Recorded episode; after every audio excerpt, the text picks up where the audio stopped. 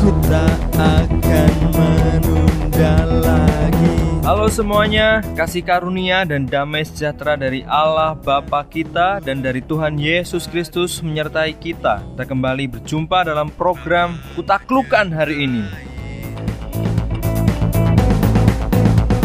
Saat ini Berbahagialah orang yang lemah lembut karena mereka akan memiliki bumi. Yang dimaksud dengan orang lemah lembut di sini bukanlah orang yang perilakunya tampak lemah lembut. Yang dimaksud orang lemah lembut di sini adalah orang-orang yang terpinggirkan, orang-orang yang tidak dianggap, orang-orang yang dianggap rendah oleh masyarakat, orang yang dianggap tidak memiliki kesempatan untuk menikmati berkat rohani di buminya Tuhan. Tuhan Yesus membela orang-orang yang disingkirkan ini. Bagaimana cara Tuhan membela hak orang-orang ini?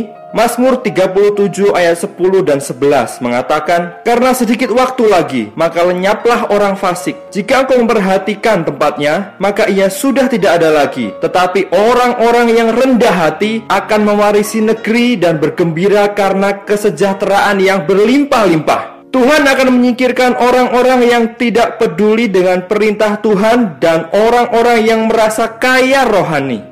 Siapa orang-orang yang tidak peduli dengan perintah Tuhan? Bisa jadi diri kita sendiri. Siapa orang-orang yang sok kaya rohani? Bisa jadi diri kita sendiri yang merasa tidak memiliki dosa sehingga tidak memberi kesempatan kepada pendosa lain untuk ambil bagian dalam pertobatan. Semua pendosa berhak untuk mendapatkan kesempatan bertobat dan mendapatkan kesempatan kehidupan sejahtera. Mari singkirkan kefasikan. Raihlah berkat yang Tuhan sediakan. Setiap orang memiliki kesempatan. Gunakan kesempatan ini.